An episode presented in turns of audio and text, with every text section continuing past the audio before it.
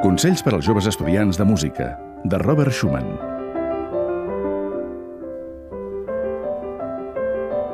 És bo compondre petites melodies al piano, però si les idees musicals se't presenten, sense buscar-les al piano, t'hauries d'alegrar molt més encara, perquè vol dir que es desperta la teva sensibilitat musical.